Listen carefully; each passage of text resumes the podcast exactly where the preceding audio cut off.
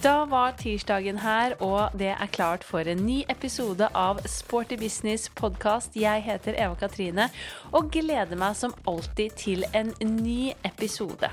Dette er jo podden for alle oss i treningsbransjen, og vi løfter frem både store og små temaer og inviterer inn gjester både fra treningsbransjen, men også fra andre bransjer, inspirerende fagfolk og andre som har lykkes kanskje med å skape noe eget. Og så er det jo kanskje litt forskjell på de ulike temaene vi eh, løfter frem, men alle er like viktige for oss som ønsker at treningsbransjen skal bli enda mer profesjonell, favne enda bredere og bli virkelig den folkehelseaktøren som vi ønsker å være, og ikke minst da anerkjent som den folkehelseaktøren som vi selv mener at vi er, og som jeg med hånden på hjertet vet at vi er, for vi betyr enormt mye for mange.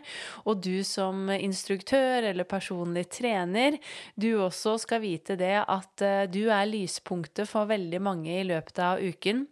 De gleder seg til å trene med deg, så vi betyr mye for eh, mange. Og på veien for å virkelig få den anerkjennelsen som eh, bransjen bør få, så er det jo profesjonalitet og ytterligere profesjonalisering som skal til, blant annet. Og som en del av økt profesjonalitet, så handler det også om dette med sertifiseringer. Og det har det jo blitt litt mer og mer prat om også i treningsbransjen de siste årene. Mange av dere har kanskje hørt om denne europeiske bransjestandarden som kom på plass i 2020. Vi har jo også i Sporty Business laget en eh, podkast om nettopp denne med Anne Sigrid Stiklestad eh, som har stått i bresjen fra bransjen sitt eh, ståsted, og Jakob Mehus fra Standard Norge. Eh, så den må dere gjerne sjekke ut. Eh, men det er jo noe med at disse standardene de hjelper oss for å sikre kvaliteten, og det kan si noe mer til forbruker om hva faktisk senteret leverer. Og det finnes jo mange sertifiseringer som man kan ta tak i. Og en sertifisering som er ganske kjent eh, generelt i flere bransjer, det er jo miljøfyrtårn. Det grønne skiftet har jo også nå treningssentrene hengt seg på, og annet da EVO, hele den kjeden, har jo miljøfyrtårn sertifisert seg, og også annet da Atletica i Oslo hvor jeg jobber, og også flere sentre. Eh, og det er nettopp det vi skal snakke om i denne episoden. Disse sertifiseringene og hva det har av betydning for bransjen. Jeg har invitert Helene Berntsen og Tobias Fjelde fra Atletica i Oslo som nettopp er igjennom Miljøfyrtårn-sertifiseringen for alle sentrene i eh, Atletica. Og det som kanskje er ekstra spennende, er at de nå også er i gang med en helt ny type sertifisering, nemlig regnbuefyrtårn-sertifisering. Litt langt ord, men hør på det første ordet der regnbue. Når jeg hørte det første gangen, så tenkte jeg at uh, dette dette er utrolig spennende, noe jeg ikke hadde hørt om. Og jo mer jeg har lest om det, og ikke minst fått høre om det, så er det en fantastisk fin sertifisering som jeg tenker er ekstremt relevant for alle sentre i treningsbransjen for å fremme likestilling og inkludering. Så det skal vi også prate om i denne episoden. Så nå skal vi dypdykke ned i miljøfyrtårn og regnbuefyrtårn og ikke minst snakke om viktigheten av disse sertifiseringene fra bransjen, og hvorfor vi bør investere i dem. Hjertelig velkommen til Sporty Business eh, podkast, Helene og Tobias, mine gode kollegaer i Atletica. Veldig hyggelig å ha dere på plass. Tusen takk. Veldig hyggelig å være med. Det setter jeg stor pris på. Det er jo litt ekstra stas da å være på Atletica Domus, som har vært mitt eh, andre hjem helt siden 2007, når jeg begynte å trene her, og når jeg begynte her å jobbe her i 2010. Og nå da med to gode kollegaer. Så jeg er veldig glad for at dere eh, ville stille opp. Jeg kjenner jo dere ganske godt, i hvert fall. Hvert fall fra treningsbransjeverden. Men for de som eh, ikke kjenner dere like godt, så er det alltid hyggelig med en liten sånn introduksjon. Så Tobias, har du lyst til å ta ordet og fortelle litt om hvem du er? Det kan jeg gjøre. Eh, Tobias Fjelde heter jeg. 33 år gammel. eh, nybakt eh, småbarnsfar og jobbet i treningsbransjen i, siden 2012. Så jeg kom inn rett etter, et par år etter deg, Mm. Katrine. Um, ja. Ja. Og har studert på idrettshøyskolen og ramla litt sånn halvveis inn i atletika ved en tilfeldighet. og så har jeg blitt der siden. Så Ja. det, Det er mange Vi- av oss som har liksom ramla litt tilfeldig inn i denne bransjen, tror jeg. ja. Ja, Du er nok ikke den eneste. Helene, Mm. Ja, mitt navn er Helene Berntsen. Eh, Når vi snakker om tid, da har jeg vært der i ni år nå i januar, så eh, tida går fort. vi begynner å bli sånne ringrever Ja. alle tre her i- på huset. Ja, og har jo hatt også ulike stillinger. Jeg starta jo som fulltids PT og instruktør først. Eh, og så eh, litt hvert etter hvert, eh, altså i resepsjon og studio. Og så var jeg noen år deltidsansatt her mens jeg jobba utafor, i reiselivsbransjen. Og så har jeg vært eh, senterkoordinator, senterleder, og i dag så er jeg salg, marked og driftsansvarlig da, for SIO Atletica. Du glemte kanskje å si hva du jobba som? Jeg glemte å si hva jeg jobber som. Jeg er senterleder på det største senteret vårt, Atletica Domus. Eh, og også som Helene jobbet her i Jeg har snart jobbet her i tolv år. Og har jobbet som PT, jobb, gjør det fortsatt. Som instruktør og som senterkoordinator og senterleder nå. Mm. Så litt av hvert. Ja. Det er litt tilfeldig at uh, du havnet i bransjen nå, Helene. Ja, jeg vil jo si det. Jeg har jo alltid vært veldig interessert i trening og, og idrett, da. Um, men har egentlig aldri visst hva man skal bli, og det vet jeg fortsatt ikke. Ehm, men eh, ja, tida går, og nå er man jo her fortsatt, så man trives jo, tydeligvis. Ja. Ikke sant? Hvordan ser arbeidshverdagen deres ut i Atletica i dag, da? Vi er jo alt mulig menn og kvinner, Ja. mange av oss. Og som vi var inne på, vi jobber som PT, instruktør. em, er i studio, er i resepsjonen samtidig som vi drifter sentrene. Og så egentlig veldig varierende. eh, veldig ulike dager. Og ja, det er egentlig det jeg liker ved bransjen. og at man møter forskjellige mennesker på så mange ulike arenaer. Mm, absolutt. Helene, hvordan ser dine dager ut? Ja, altså Ingen dager er jo like. Eh, akkurat nå så sitter jeg jo i en stilling som er litt mer administrativ enn det jeg har hatt før. da, eh, Som PT og instruktør og vert og koordinator og senterleder. Eh, så nå sitter jeg litt mer foran PC. Eh, men selvfølgelig, jeg har fortsatt på en måte, jeg har PT-timer og kunder fortsatt. Og av og til litt vikartimer som instruktør. Men det har blitt litt mindre fordi at den jobben krever litt mer, da. Ja. Uh, ja. Jeg tror vel alle vi som jobber i denne bransjen her, trenger en sånn arbeidsdag, så det ikke bare blir åtte timer foran PC-en. For Absolutt, sånn. Da ja. får vi lopper i blodet hele gjengen. Men hva vil dere si er det aller beste med treningsbransjen, da? Jeg vil kanskje si det at vi jobber med forebyggende helse, syns jeg er veldig, veldig bra, eller viktig da, at vi gjør det. og At vi har det samfunnsansvaret kanskje lite grann, da.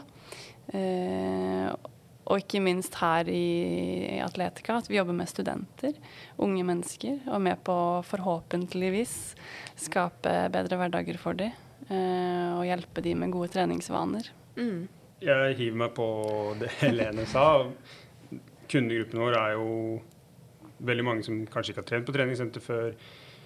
De vet rett og slett ikke hva de skal gjøre når de kommer til oss, og det er veldig givende å kunne hjelpe dem på veien. Eh, og så For å svare på spørsmålet sånn for min del personlig, så er det Og grunnen til at jeg har vært i samme eh, firma så lenge, da, eh, det er folka rundt at ja, Jeg og Helene har jobba sammen i ni år, vi har jobbet sammen i tolv. Selv om man kanskje ikke jobber sammen daglig eh, med hver enkelt, så er det sånn Det er en form for positivitet i alle menneskene du møter, da. Eh, som jeg tror gjør at veldig mange velger å bli I hvert fall hos oss, da. Eh, og sånn er det sikkert andre steder også i bransjen. Men om det er medlemmer du møter, om det er andre ansatte, det er på en måte Man blir litt gladere, litt mer positiv etter man har kommet inn døra, enn man var før man kom. Ja. Jeg har tenkt på det mange ganger, for jeg føler jo nesten alle eh, nevner folka i bransjen når jeg spør om hva er det som er så unikt med treningsbransjen. Og både selvfølgelig medlemmer, men spesielt også da alle vi som jobber i treningsbransjen. Og jeg har lurt mange ganger på om liksom, er det like unikt i andre bransjer? Har de det like gøy som oss? Er det like mye liksom, blide, engasjerte folk, eller er det unikt for treningsbransjen? Nå har jeg ikke vært innom så veldig mange andre bransjer, så jeg kan jo ikke si noe om det, men jeg føler jo at vi er ganske unike der. Ja. Men eh, vi skal jo snakke om noe veldig spennende i dag. Både miljø- og regnbuefyrtårnsertifiseringer. Ja.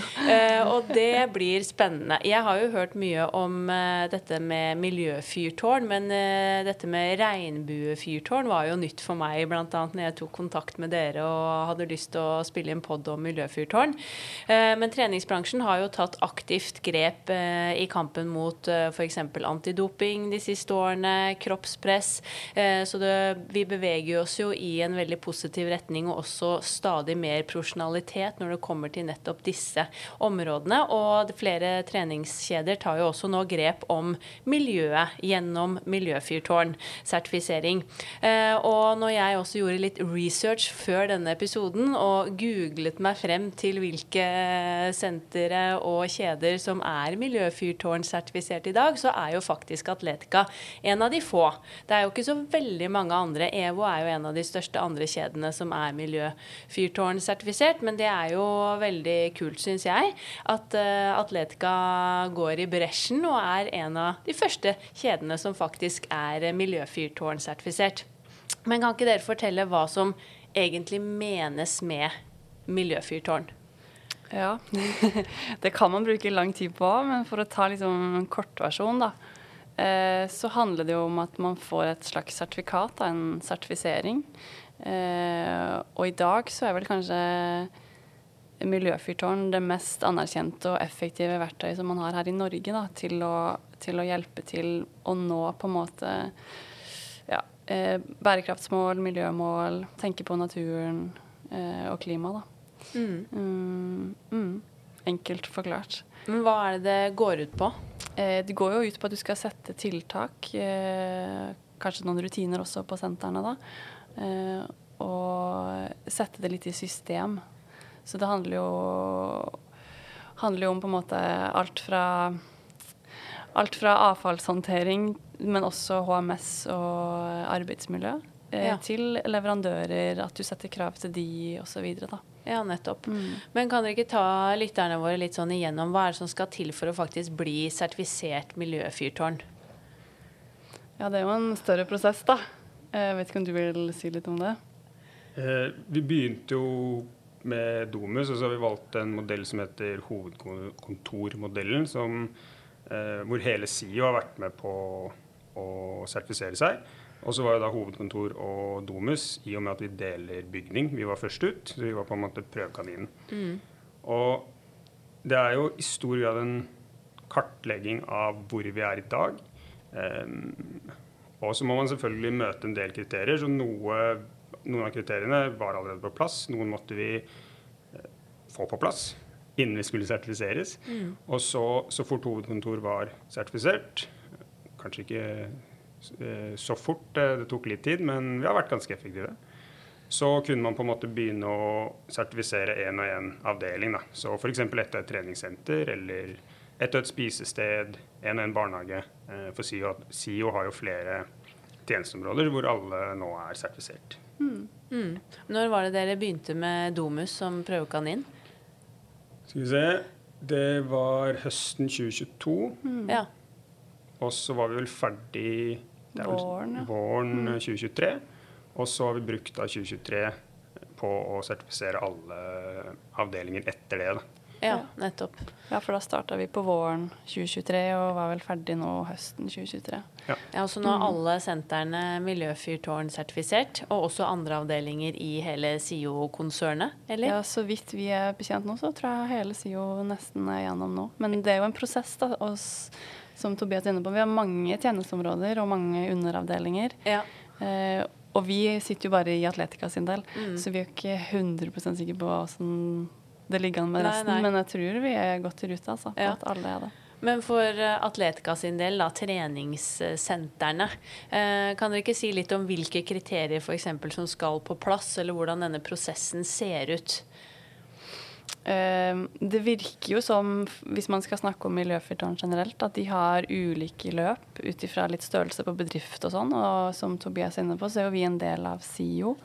Så vi er jo en stor virksomhet. Så vi har jo fått en egen konsulent som følger oss opp. Og eh, ja, vi har jo også en egen ansatt som jobber med miljøfyrtårn i SIO, da. Ja. Eh, men jeg kan også se for meg at eh, mindre virksomheter kan ha et litt enklere og mindre løp. Eh, mer digitalt f.eks. og sånn, kan Ja. det se ut som på nettsidene. da. Um, men vi har jo blitt uh, veileda og guida av både en i SIO og en konsulent da, fra Mm. Miljøfyrtårn som har hjulpet oss med dette. Eh, og det er jo alt fra, som Tobias var inne på, uh, oppfylle kriterier som er både bransjespesifikke, men også generelt for miljøfyrtårn. Eh, og sette tiltak. Mm. Vi kan jo komme med noen eksempler. Da. Ja, og som Helene er inne på, så er det jo er vi heldige som har et apparat rundt med Vi har SIO bolig, og vi har en eiendomsavdeling som har kompetanse på f.eks. For, for vår del, da, som er et Atleticadomet, som er et stort bygg med svømmebasseng, flerbrukshall. Det er på en måte Hvis vi tar energi og det å bespare inn på energi, så er det en mer kompleks jobb enn Hvis vi skulle snakket om trening i dag, så kunne jeg fortalt mer om det enn jeg kan om å spare energi. Ja, ja. Eh, og da har vi fagpersoner som har eh, vært inne, så det har vært veldig lærerikt å på en måte få ta del i det. Eh, og jobbe på, med litt andre fokusområder enn trening. Da. Mm. Eh, men det er som Helene sier, at det vil helt sikkert se annerledes ut om man driver en treningssenterkjede, et enkeltstående senter, eh, eller om man er en stor aktør, så vil akkurat skjelettet, hvordan man bygger det opp, antar jeg vil se ulikt ut enn det har gjort hos oss. Da. Mm. Mm. Og så eh, jeg tror, Nå vet jeg ikke om det gjelder alle, men jeg tror de fleste bruker en sånn miljøfyrtårn-portal, der man laster opp ting i en portal. da. Eh, Det har i hvert fall vi gjort på alle våre sentre. Mm. Og resten av sida har gjort det samme. da. Ja. Eh, og så er det en uavhengig sertifisør som kommer og godkjenner virksomheten for at du skal bli sertifisert. Mm. Eh, men jobben er jo ikke over da. Det er jo da det begynner, har vi jo blitt fortalt. Og nå er jo vi i den prosessen at vi akkurat har blitt sertifisert og skal begynne med å på en måte eh, jobbe videre med det. da. Eh, Mm. For vi må dokumentere eh, tiltak og prestasjoner da, i en årlig rapport. Og så er det resertifisering hvert tredje år. Ja, Mm. nettopp. Ja, så det er jo egentlig en baseline hvor ligger vi i dag. Hva bør vi gjøre for å nå de målene vi setter oss, f.eks. avfall, energibruk. Og så er det da en mål for hvert år, og mål da ved resertifisering så stilles det høyere krav enn det gjorde ved første sertifisering. Så vi må jo bli bedre enn vi er i dag for at vi da skal kunne beholde sertifiseringen. Ja, ikke sant. Du nevnte at du kunne gi noen eksempler, Helene. Kan du ikke Mm. gjøre det? Jo. Eh, noen eksempler på kriterier da, som ble satt, eksempel, det var at vi måtte ha rutine for stoffkartotek. Altså at vi måtte ha datablad tilgjengelig da, for eh, de såpene vi bruker, f.eks. Ja. Sånn at de databladene henger i nærheten av der såpa står. Sånn at skulle det skje noe, så kan du ta bilde av den, f.eks. Hvis du får det på øyet. Eller, ja. Så litt sånn HMS-ting, faktisk. Eh, og så skulle vi også ha et kriterium som var kartlegge avfallssystem. Og det gikk rett og slett på at man skulle ta bilde av hvordan dagens kildesorteringssystem var. Mm. Om det i det hele tatt var kildesortering. Ja, ja. Eh, og så igjen, da gjør, gjør det jo ikke noe at det kanskje ikke var på plass. Det er jo litt poenget med, med sertifiseringa, at vi skal bli bedre. Og at man skal eh, jobbe med kontinuerlig forbedring. Så det var noen kriterier, og så noen tiltak som vi f.eks. valgte i Atletica, var jo nettopp det med, med avfall og kildesortering. At vi vil Mm. bli bedre på det. Eh, at vi skal kaste f.eks. da Hvis jeg har skrevet opp noe her, husker ikke alle målene i hodet her, men at vi f.eks. skal kaste mindre avfall. Mm. Eh, redusere restavfall og øke kildesorteringsgraden. Da. Og da har jo også hvert senter dette i kilo. Ja, nettopp. Mm. Men hva har dere gjort eh, helt konkret da for å nå, hvis vi tar f.eks. akkurat dette med kildesortering, da, for å nå de målene? Ja, da måtte vi veie avfall, da. sånn faktisk. Ja. Eh, ja. Vi fikk hjelp av eh, renholdsfirmaet vårt til å gjøre det, da. Men eh, ja. Så det høres jo litt sånn omfattende ut, men det gjorde man en uke, da. Og så ganger man det opp og får et estimat på ish på året. Så blir jo ikke det helt perfekt, men det er sånn systemet er i dag, da. Ja. Men har dere gjort tiltak på sentrene også, med tanke på kildesortering for medlemmer og ansatte også? Vi har jo, i hvert fall på noen senter, så har vi endret eh, strukturen. Majoriteten av vårt avfall er jo restavfall i, fra studio. Men at vi har satt opp eh, kildesorteringsstasjoner med matavfall og glass og metall, pant. Eh, pant hadde vi for så vidt før òg, men det er synligere. Det er med plansjer for hvorfor du, hva som f.eks. er eh, restavfall, hva er matavfall, eh, og ja, papir med tårer på, tror jeg det står på plansjen. Det går som restavfall, selv om eh, det man vanligvis ville resirkulert papir uten tårer som Ja, ja. papir. Eh, så det er mange eksempler på eh, hva avfallet, hvor avfallet skal. Da. Og som vi var inne på innledningsvis, så er jo mange, eller majoriteten av våre medlemmer er studenter. De er unge. Og eh, det at vi på en måte tar et ansvar for å lære de opp eh, til å bli bedre på f.eks. kildesortering. Da. Eh, både i atletika, men også i boligene til SIO, i kafeteriaene til SIO. Eh, sånn at de oftere gjør bedre og riktigere valg. Ja, Ja, nettopp. Ikke sant. Men dere nevnte jo litt om tidsbruken, og som det ble sagt, så altså Atletica, altså bare Domus i seg selv er jo et enormt bygg, og eh, alle sentrene i Atletica er jo store sentre, så dette vil jo selvfølgelig sikkert avhenge av eller avhengig av størrelse på senteret osv. Hvor stor drift det er. Men, så Dere har jo sagt litt om uh, varigheten. Men uh, er det kostbart? Koster det noe å bli miljøfyrtårn-sertifisert? Eh, Det er detaljer som ikke vi sitter på, siden det er SIO som sertifiseres som helhet. Da. Men det er jeg ganske sikker på at det gjør, ja. Ja. ja, jeg regner vel med det også. Da må vi grave litt mer for å finne eventuelt eh, de tallene. Men det pleier jo å være ja, betaling på en måte for å få den sertifiseringen også, som du sier, for å få uavhengig konsulent innom eh, for å sertifisere osv. Mm. Men eh, hvorfor har det vært viktig for Atletica å få miljøfyrtårn-sertifiseringen? Altså, det handler jo mye om de signalene man sender ut, da. Både til eh, kunder, ansatte og myndighetene. Det er jo stadig flere som forventer at man tar mer miljøansvar. Um, og så snakker vi jo nå om at det kanskje høres veldig voldsomt ut, men målet er jo at når man har kommet i gang med det og rulla godt en stund, så er det mer automatisk. Og man kan eh, begynne å se at man eh, ja, får kutt i avfall, f.eks. for eksempel. For vi vet jo at restavfall er dyrt. Det er jo veldig dyrt å kaste restavfall. Ja.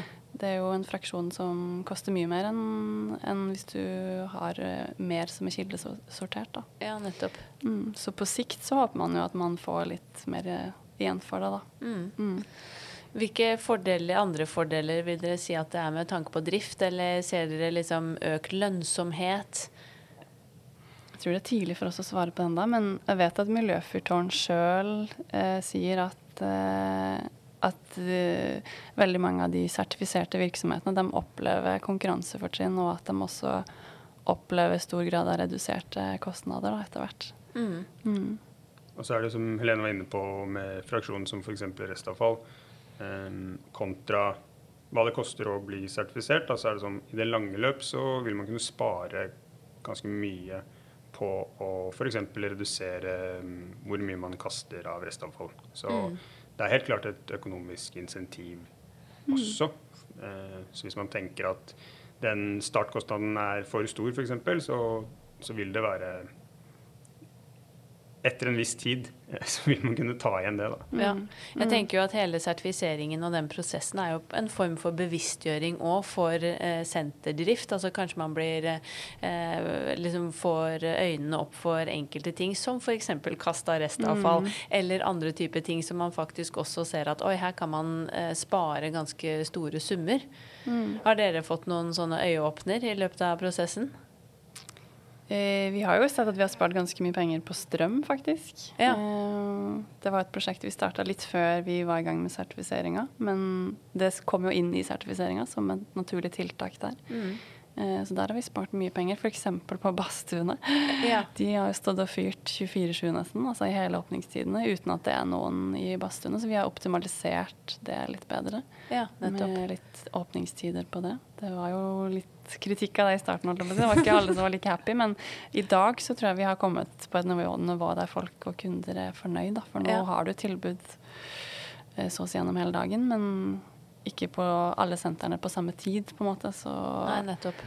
i rushtid så er alt på, selvfølgelig, men midt på dagen så er det kanskje noen senter som har, har badstua på, mens noen ikke har det, for der er det lite besøk. Og det ser vi at det sparer vi penger på. Ja.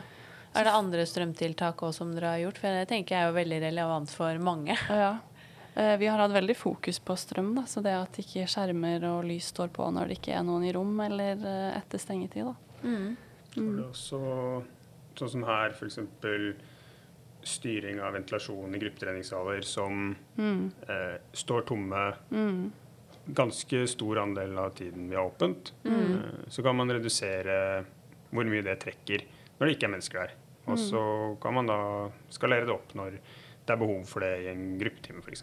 Mm. Mm. Så har vi faktisk justert ned innetemperaturen nå litt grann på, på noen senter.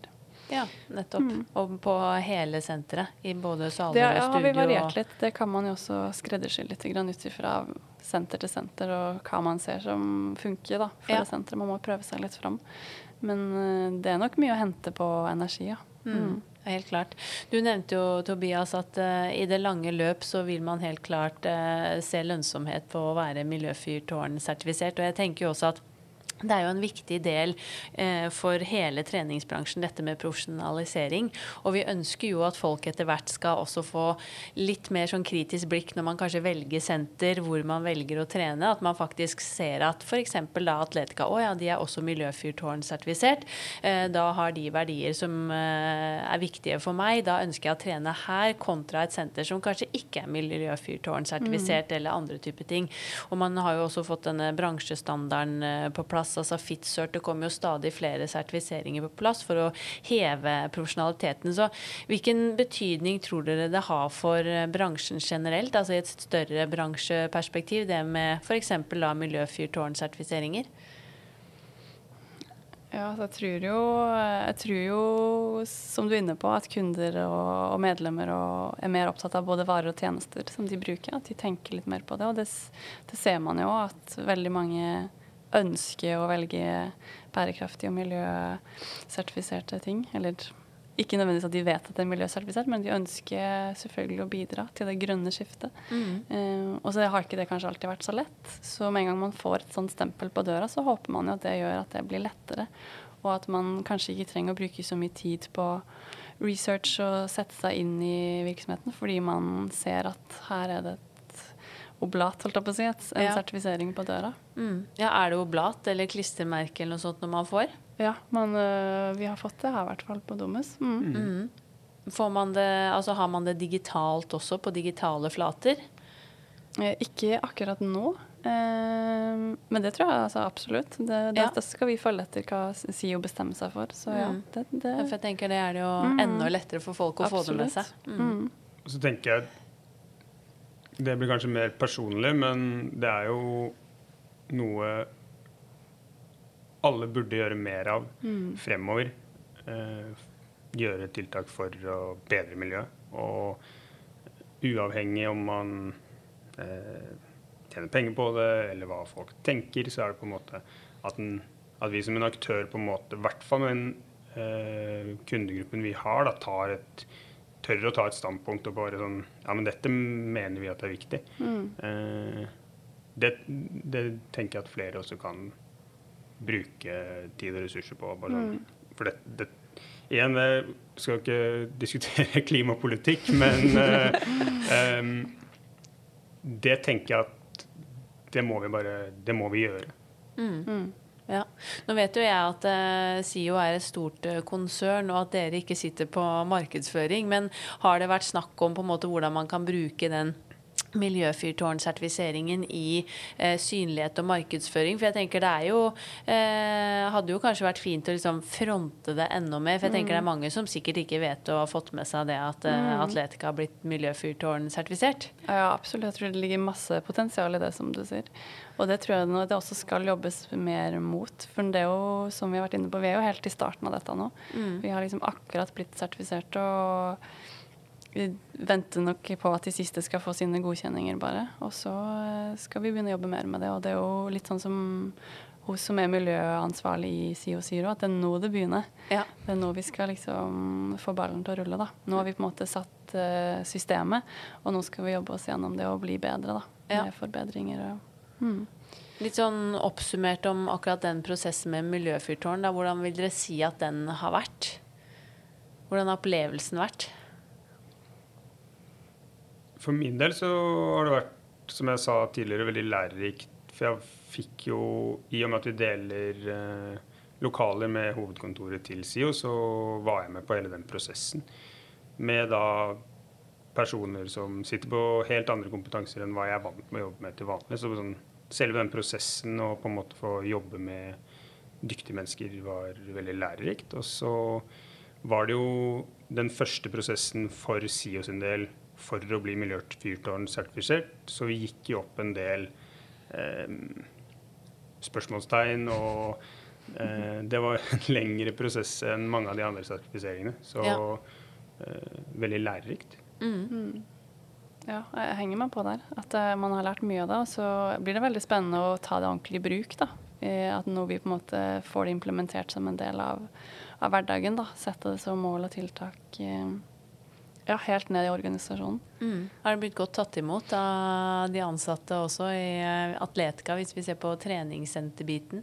Eh, Jeg tror ikke de har merka sånn kjempemye til det enda, men jeg tror eh, samtlige har merka at vi har fått fraksjoner, altså avfallsfraksjoner med sortering, ja. på alle sentrene i resepsjonene f.eks. Så det, Det har jeg fått med meg òg. En liten ting, i hvert fall. Og så er det mye som skjer på baksida som ikke alle ser med en gang. Da. Mm. Og sånn er det jo med, når man jobber med, med disse tiltakene. Ja, Mm. selvfølgelig.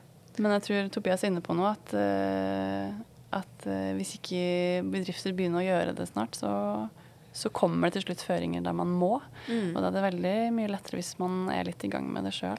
Ja, Mm. helt klart. Ja, jeg tenker jo at jeg tror nok det er mange som kvier seg litt for det, Mm. fordi det kan virke som en sånn stor baug å liksom komme seg over, eller bare det å sette i gang, og sertifiseringer, det høres kanskje kjedelig ut, og det er mye man Mm. ikke kan. Men jeg tror jo at vi kommer til å få, få mye igjen for det i det lange løp, og som du sier, Helene, at eh, plutselig en dag så sitter vi der, og så er det et krav om at man Mm. må være miljøfyrtårn-sertifisert for driften. Ja, eksempel. Eller en annen sertifisering, da. For det fins jo andre sertifiseringer også, faktisk. Ja. Um, det gjør det. Men, Hadde du med ja, på Nei, bare det om at det fins mange, og det kan være en liten jungel for de som sitter og lurer litt på hva man skal velge, da. Mm. Eh, Men da er jo miljøfyrtårn-sertifiseringa den nasjonale sertifiseringa vi har i Norge. Og så eh, må man også tenke på at alle de sertifiseringene de skal på en måte hjelpe hverandre. da. Det er ingen som skal være istedenfor eller bedre enn, Nei. men at de bygger hverandre opp litt. da. Men vet dere, hvis det er noen som hører på nå som tenker at å, dette har jeg lyst til å undersøke nærmere eller komme i gang på mitt eget senter, hvor begynner man? Jeg tror du bare skal søke opp miljøfyrtårn, og så vet jeg at det finnes mange konsulenter som kan bistå. Ja. um, og hjelpe til med det. Og så, som du sa, Eva Katrine, det kan virke veldig omfattende og stort.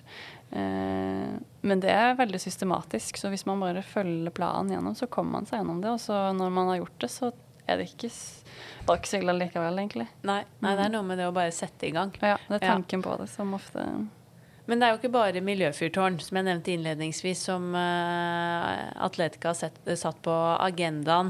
Uh, dere skal jo også bli regnbuefyrtårn. Det hadde jeg aldri hørt om før jeg sendte mail til dere og spurte om dette miljø, med miljøfyrtårn.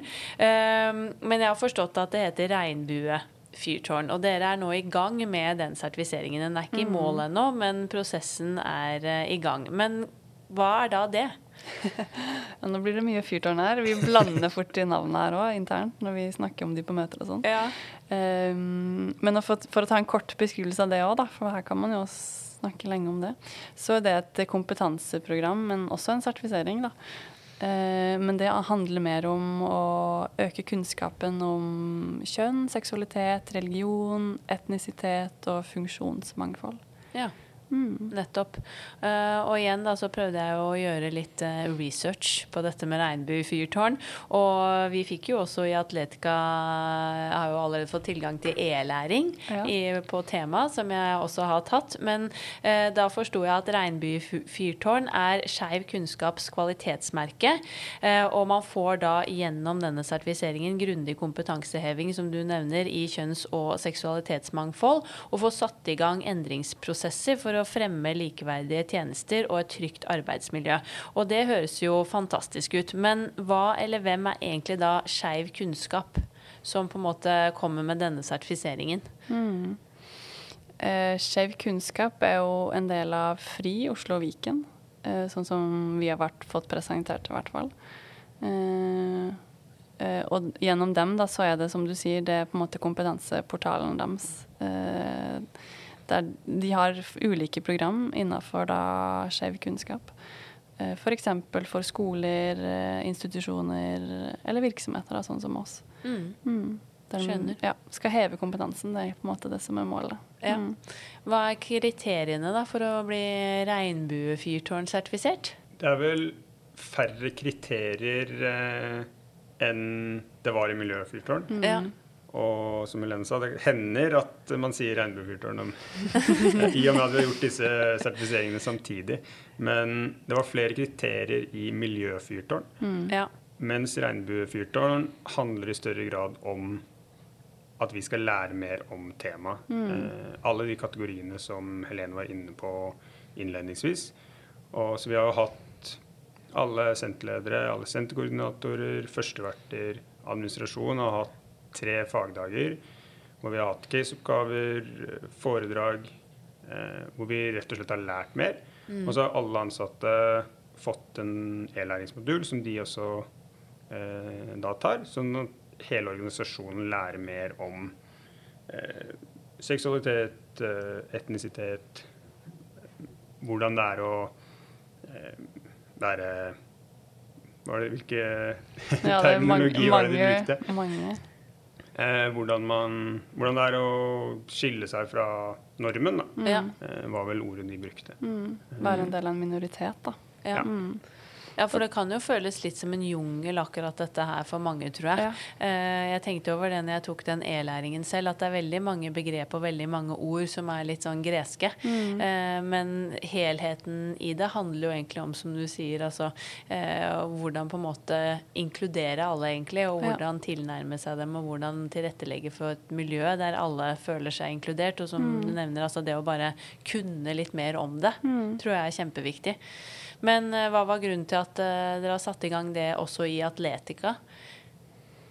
Det er jo litt som du er inne på, faktisk. Det å øke kunnskapen. Eh, At vi vil være et, eh, et senter eller en kjede der alle kan føle seg velkommen. Mm. Uavhengig av eh, etnisitet, religion, funksjon, men også kjønn og seksualitet.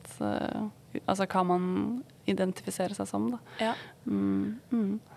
Så har vi også sett blant studentene så har vi sett at det er noe de eh, ønsker å eh, At vi skal ta en eh, At vi skal lære mer om. Da. Mm. Mm. Og vi får henvendelser om f.eks. som er kanskje det klassiske man ender opp med å sitte og snakke om, er jo garderober. Mm. Um, hvor man får henvendelser fra en person som lurer på har det noen garderobe som passer for meg. Ja. Hvor vi ofte da tidligere kanskje måtte si nei, mens i dag så kan vi på fredagssentrene våre si at ja, det har vi faktisk. ja. Mm. Så, og da, så det er jo vel så mye en Vi merket at blant studentene så var det, var det et behov da, som Ja. vi ikke klarte å dekke. Eh, så begynte vi da med noen tiltak før vi begynte sertifiseringen. Og så dukket muligheten opp for sertifisering, og da tenkte vi ok, men det kan vi jo ikke, ikke gjøre. Eh, for dette må vi lære mer om. ja. Mm. Mm. Vet dere om andre treningssentre som har satt i gang noe sånt nå? Nei, og det tror jeg ikke de hadde vært borti sjøl enda. Nei. Men eh, det var vel noen idretts... Altså innafor idrett så var det vel noen idrettslag eller noen Ja. foreninger som hadde gjort det. Mm. Mm. Ja, for det tenker jeg er jo kjemperelevant for treningssenterbransjen. Ja, som, hvor vi har så mange ulike mennesker innom og en så stor kundegruppe. Mm. Eh, at det å kunne mer om dette er jo kjemperelevant for alle sentre. Og ikke minst det å kunne inkludere enda flere mennesker, og at alle føler seg Mm. velkomne. Så det tenker jeg at vi må eh, oppfordre alle lytterne våre til å google Regnby Mm. fyr, fyrtårn og sette i gang den prosessen. For når jeg leste litt om det, så, så forsto jeg også at det virker som om det er en litt hva skal jeg si, mildere sertifisering enn miljøfyrtårn. Kan Så man kanskje man vil begynne Mm. der. Ja, absolutt. absolutt.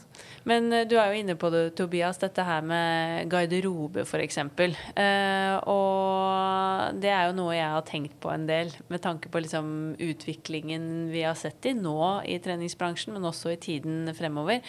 Eh, tror dere at vi vil klare å legge til rette for alle i fremtiden? Er det f.eks realistisk med tanke på dette med garderober. da.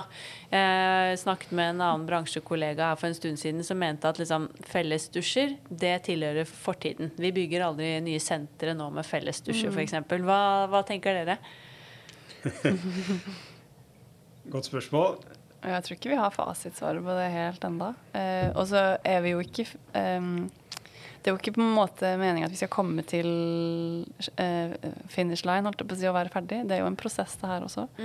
Og nå er vi jo i gang med å lage en handlingsplan, så vi får jo se litt hva som dukker opp i den. den. Altså Ja. hvilke eh, forslag har vi der, eh, og, Mm. og hvilke eh, råd kommer de med, da. Um, men um, eh, ja, det er jo opp til oss på en måte, til slutt hvordan vi gjør det. Og så tror jeg ikke vi klarer å på en måte bli et perfekt senter for alle. Eh, verden er såpass komplisert at det, det tror jeg er vanskelig. Men at vi blir bedre i morgen enn det vi var i går, det må jo være et mål med, med denne sertifiseringa. At vi Ja. prøver så godt vi kan å tilrettelegge for alle. Men hvis dere skal reflektere litt eh, med tanke på liksom hele bransjen, hva tror dere? Hvordan kommer det til å se ut eh, fremover? Tror dere f.eks. garderobene kommer til å endres? Det er jo faktisk litt færre som bruker garderober i dag enn før. Ja. Flere som dusjer hjemme. Mm. Og så er det jo kanskje mer, som du sier, det blir ikke den fellesdusjen, men mer sånn Kanskje det blir mer sånn separerte båser, at du er litt mer for deg sjøl, rett og Ja. Mm. Hvis du hadde stilt det spørsmålet for 20 år siden, da, Ja. så hadde vi mest sannsynlig ikke diskutert eller foreslått at det kom de eh, Det vi sitter og snakker om i dag, da. Vi hadde mest, jeg hadde mest sannsynlig ikke foreslått det, i hvert fall. Nei. Men, så det jeg syns det er vanskelig å liksom, vite akkurat hvor vi kommer til å være om fem år, om ti år. Mm, Men at eh, vi blir nødt til å på en måte tenke annerledes og se muligheter. F.eks. sånn som vi har gjort her, ved at vi har åpnet en garderobe for alle. Hvor eh, om hvilken kjønnsidentitet du har, betyr ingenting. Eh, om du er en pappa med en datter som eh, akkurat er litt gammel til å kanskje være med inn i herregarderoben, så kan man gå inn der. Så det er sånn eh, Jeg tror vi må tenke i hvert fall være åpne for at eh, hvis vi har muligheten, så kan det være flere varianter enn herre- og dame med garderober. Mm. Samtidig som at jeg tror, i hvert fall sånn som nå som vi er gjennom den kompetansehevingen av sertifiseringen, så ender vi i diskusjonen om garderober. Men at, eh, og det er helt naturlig, men det er på en måte veldig mange andre aspekter av denne sertifiseringen Mm. eh, før vi kommer dit. da. Ja, ja. F.eks. andre typer gruppetimer. Gruppetimer bare for gutter eller for jenter. Mm. Eh, Det er mange mm, spørsmål og ønsker som dukker opp eh, blant medlemmer som Mm. ikke omhandler garderober også. ja. Ja, bare det med universell utforming, f.eks. Både på sentrene, men på nettsider også. Altså at man tenker på de tingene òg. At det er tilrettelagt for de som har eh, synsned, altså settelse, hørselnedsettelse. ja. eh, Altså, det rommet så bredt, da, Mm. det her. Så jeg syns jo det er et veldig fint kompetanseprogram sånn sett. Ja. Mm. Ja, jeg tenker sånn som Det med garderober, det tror jeg det er mange Det er, det er veldig sånn konkret og enkelt, og jeg tror det er mange som har kjent på det. Ja. Som har fått flere spørsmål de senere årene om nettopp sånne ting. Eh, og jeg også har jo snakket med andre kollegaer her i Atletica som har stått i resepsjonen og fått mange spørsmål om nettopp det. Og da tenker jeg, eller, så Det er jo eh, relevant for mange å liksom tenke hvordan skal man løse den problematikken. Og Vi kan jo ikke ha 20 forskjellige garderober, det sier seg selv, det blir praktisk umulig. Eh, men du nevnte Tobias at her har dere åpnet en garderobe for alle. Er det tiltak dere har gjort på de andre sentrene òg? En type unisex-garderobe, eller hva kaller dere den garderoben? Nei, vi kaller det garderobe for alle. Ja. Og det er en garderobe vi kun har på Domus. Og det er jo noe vi gjorde fordi vi hadde muligheten. Det var en Ja. garderobe Vi har ganske mange garderober. Og så så vi at det var et behov for det. Det var et ønske blant studentene at uh, vi hadde et bredere garderobetilbud. Og da valgte vi å gjøre om en av garderobene til det vi da kaller garderobe for alle. ja. Så vil det jo være Så har vi det ikke på de andre sentrene i det formatet. Nei. Og det ville vært en helt annen prosess. Da ville vi, jo, som du var inne på, måtte bygge om senteret, og da kommer det veldig mange andre eh, aspekter inn i det spørsmålet. Ja. Nettopp. Mm. Hvordan tror dere denne regnby-fyrtårn-sertifiseringen vil bli tatt imot? Forhåpentligvis positivt, da. Det viser jo at vi, er, vi vil lære nye ting og ta til oss nye ting. Eh, og så har vi jo hørt det fra FRI sjøl at de sier at flere av medlemmene hos dem aktivt ser etter eh, regnbuefyrtårn-sertifiserte virksomheter da, når de skal oppsøke en tjeneste, f.eks. Mm. For da vet de at de de møter der, har litt mer kompetanse om, om temaet, på en Ja. måte. Mm. Mm. Og det er jo, det er jo en organisasjon med medlemmer. Mm. Og hvis vi igjen, siden vi både snakker om miljøfyrtårn og regnbuefyrtårn, så vil jo miljøfyrtårn Der er det på en måte en sertifisering, og så er det en konsulent som kommer og vurderer om vi har gjort det vi skal, og en konsulent som følger oss opp, eh, hjelper oss på veien. Mens regnbuefyrtårn er jo Jeg opplever i hvert fall at det er Og vi er ikke sertifisert ennå, men selv før sertifisering da, så opplever jeg at eh, folk vet at vi allerede har tatt eh, et valg om å lære oss mer om temaet. Så det tror jeg for andre aktører også at ved å gjøre det, så viser man Det kommer raskere ut, da. mm. Og viser at man er eh, eh, åpen for eh, alle. Og at alle er velkomne hos oss, da. Hvor lang tid har dere ca. estimert på den regnbuefyrtårnsertifiseringen? Hvor omfattende er det? Ja, nå starta vi med den i høst, eh, og skal i gang med den handlingsplanen nå. eh, eh, Ute i februar. Ja. Eh, og så får vi høre om de tenker at den handlingsplanen er god nok. Ja. Og så vil vi forhåpentligvis være sertifisert i løpet av våren. Da. Mhm. Eh, og så varer sertifiseringa i to år, og så kan man bli resertifisert etterpå. Da. ja. Eh, nå har ikke vi snakka så mye med dem om det enda, men sånn jeg forstår det, så er det en mindre prosess, for da har du allerede gått gjennom ting. Men litt sånn som jeg sa i stad, du kommer ikke til mål med en gang. Du jobber kontinuerlig med det, eh, med en prosess. Da. Så det må jo snakkes med med de ansatte og brukes i personalmøter og ja, Mm. må aktivt Ja. tas bruk i, da. Jeg tenker jo at det er jo veldig relevant å bruke også i markedsføring, og er et flott stempel å ha på døren. Mm. Altså for de som eventuelt skulle vurdere å ta denne sertifiseringen, da, så har i hvert fall jeg opplevd eh, FRI eh, som veldig imøtekommende på at det skal passe i vår drift. Mm. Eh, så det er på en måte ikke et veldig satt løp. Vi skulle gjennom tre fagdager. Eh, og så hadde vi et mål om når vi skulle være ferdig med de, men vi bakte det inn sånn at det passet i vår arbeidshverdag. Så de var veldig imøtekommende og veldig fleksible på det. Så jeg ville ikke nølt med å på en måte, i hvert fall ta kontakt og høre hva det man kan Ja. få til. Mm. Ja, det virker som det kan skreddersys ganske bra, da.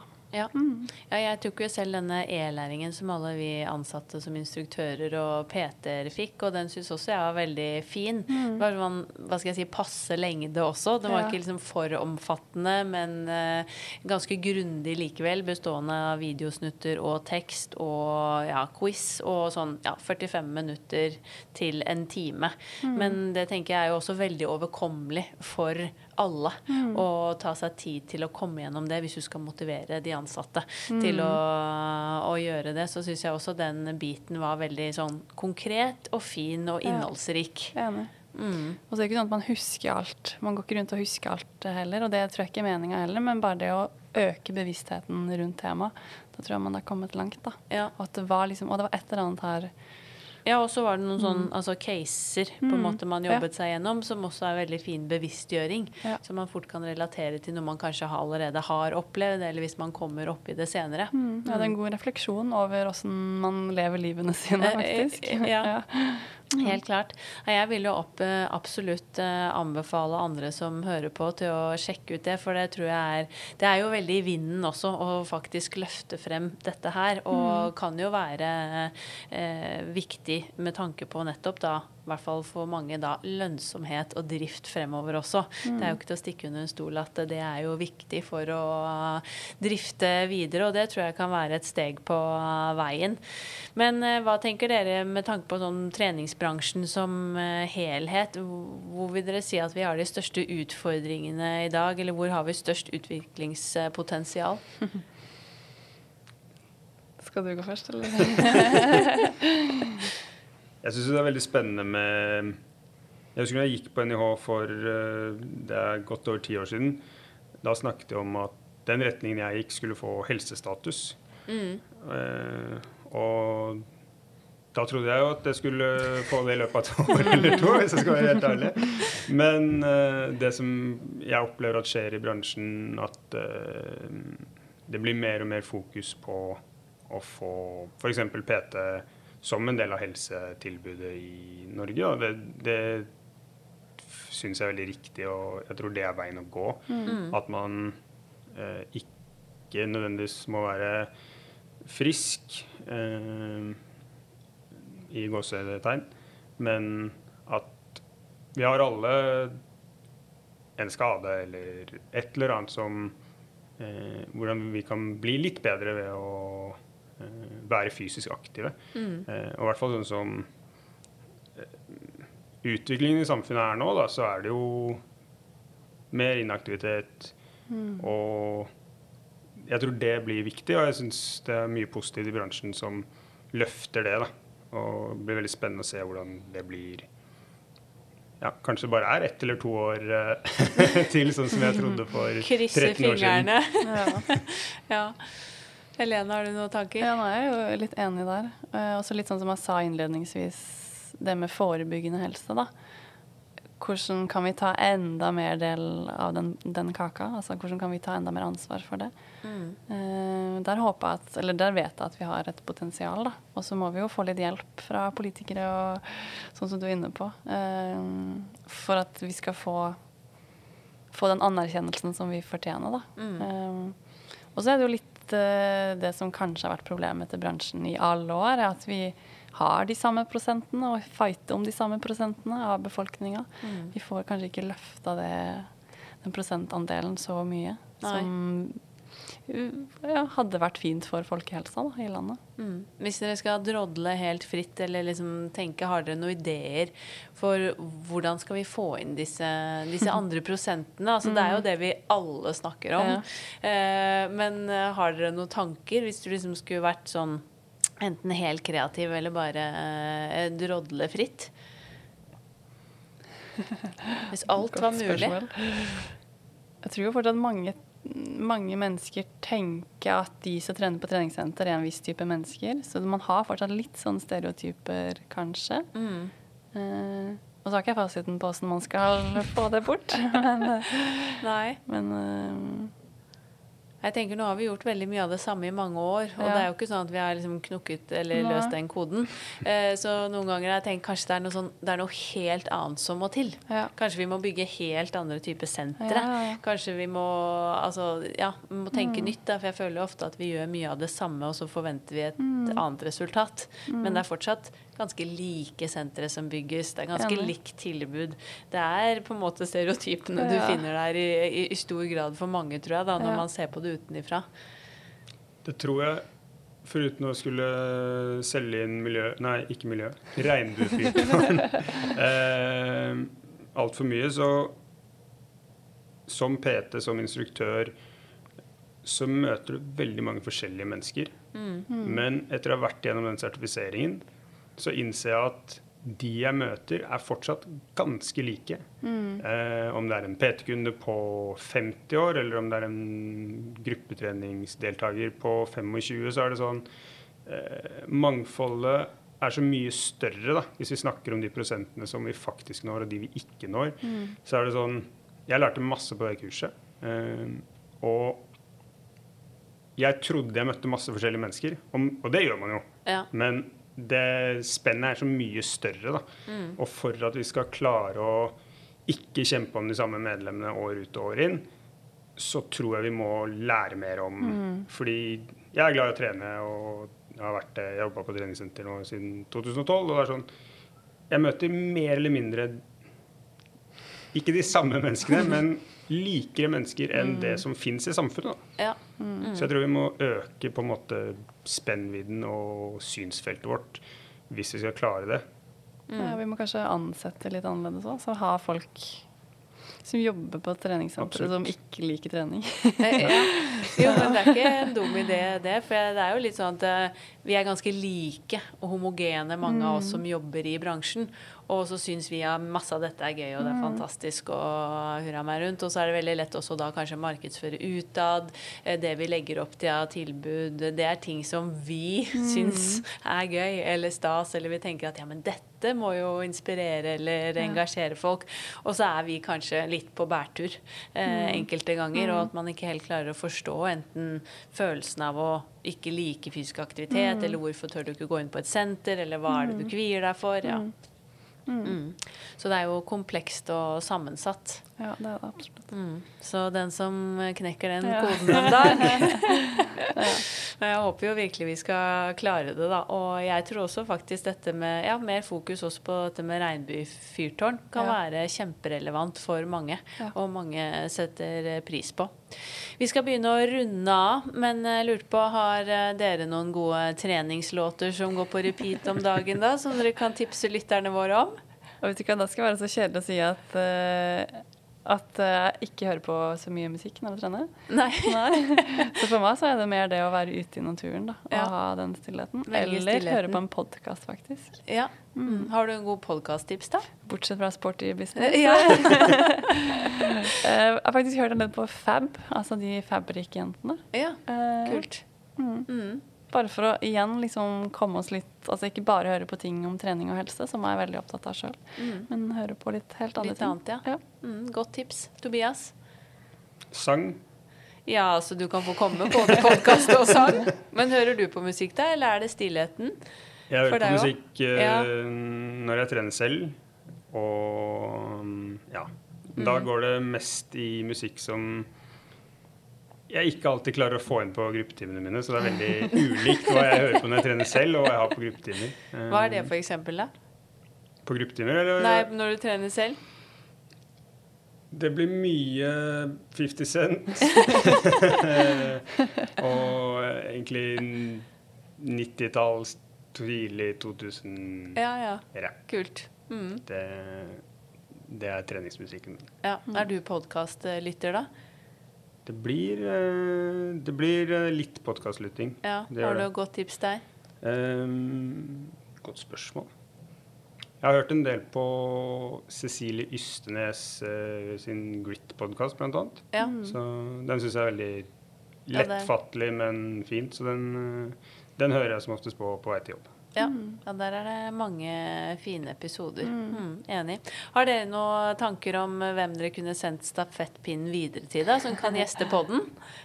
Å nei, det, jeg tror det er mange gode alternativ. Um, jeg har faktisk tenkt litt på uh, igjen det her for å zoome litt ut av bransjen vår. da, At mm. ikke man skal kanskje bare tenke på trening og den aktiveringa vi gjør, men det motsatte som har kommet litt i vinden nå, med kanskje avspenning og hvile. da. Og så ja. har det jo vært mye fokus med han her eh, doktor Torkil Færø. Mm. Han hadde vært interessant å høre på i perspektiv fra denne podkasten. Ja.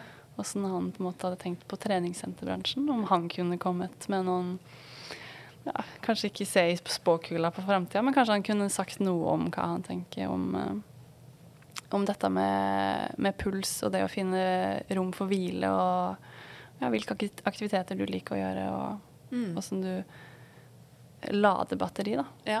Ja, det er eh, kjempespennende. Mm, trening er jo absolutt også lading av batteri, men man kan ikke bare trene, man må jo hvile også. Ja, det er akkurat det. Mm. Mm. Godt tips. Jeg har ikke noen spesifikk eh, person, men jeg blir jo veldig nysgjerrig på når vi snakker om hva er det vi ikke finner ut av? Hva er det, vi, hva er det som må til for å eh, få flere inn på treningssenteret? Så ja. En som ikke trener på treningssenter i dag. Ja. eh, og det syns jeg hadde vært interessant å liksom fått de spørsmålene hva må vi gjøre da, for at vi skal få deg til å komme inn på senteret vårt. Mm. Ja. Så, og da tror jeg man kan finne mange mennesker. Mine barndomskompiser trener ikke på treningssenter, f.eks. Så jeg ja, kan nei, spørre, vi har jo allerede konkludert med at vi har flere nok å ta der. Ja. Så ja. Nei, men det er kjempespennende, det også. For det er jo fort vekk at det blir mye fra det samme perspektivet. Men, eh, og vi har mange tanker om hvordan vi skal gjøre det. Men mm. uh, hvilke tanker er det de egentlig sitter med? Mm. Mm. mm. Herlig. Tusen hjertelig takk for at uh, dere tok dere tid, og for en kjempespennende prat. Og så håper jeg at vi har kunnet inspirere lytterne våre også til å ta tak i dette med sertifiseringer.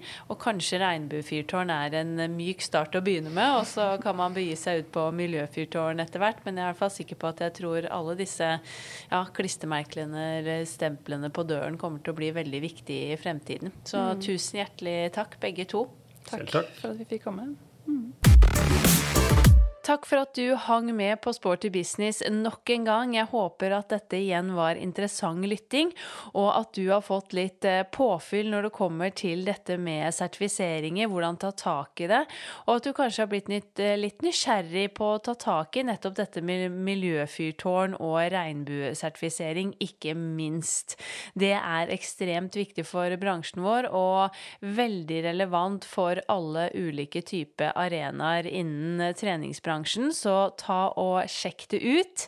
Jeg gleder meg til vi poddes igjen om nøyaktig to uker. Kom gjerne med kommentarer, tilbakemeldinger og innspill til oss, enten i Facebook-gruppen vår med navnet Sporty Business på Facebook, eller følg oss og gjerne ta kontakt på Instagram at Sporty Business Podcast.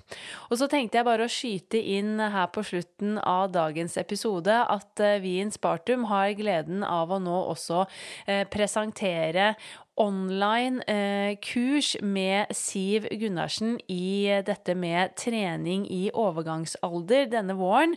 Hun gjestet jo podden rett før jul, og det er med en stor glede at vi nå kan presentere et tilpasset kurs for treningsbransjen i nettopp denne tematikken.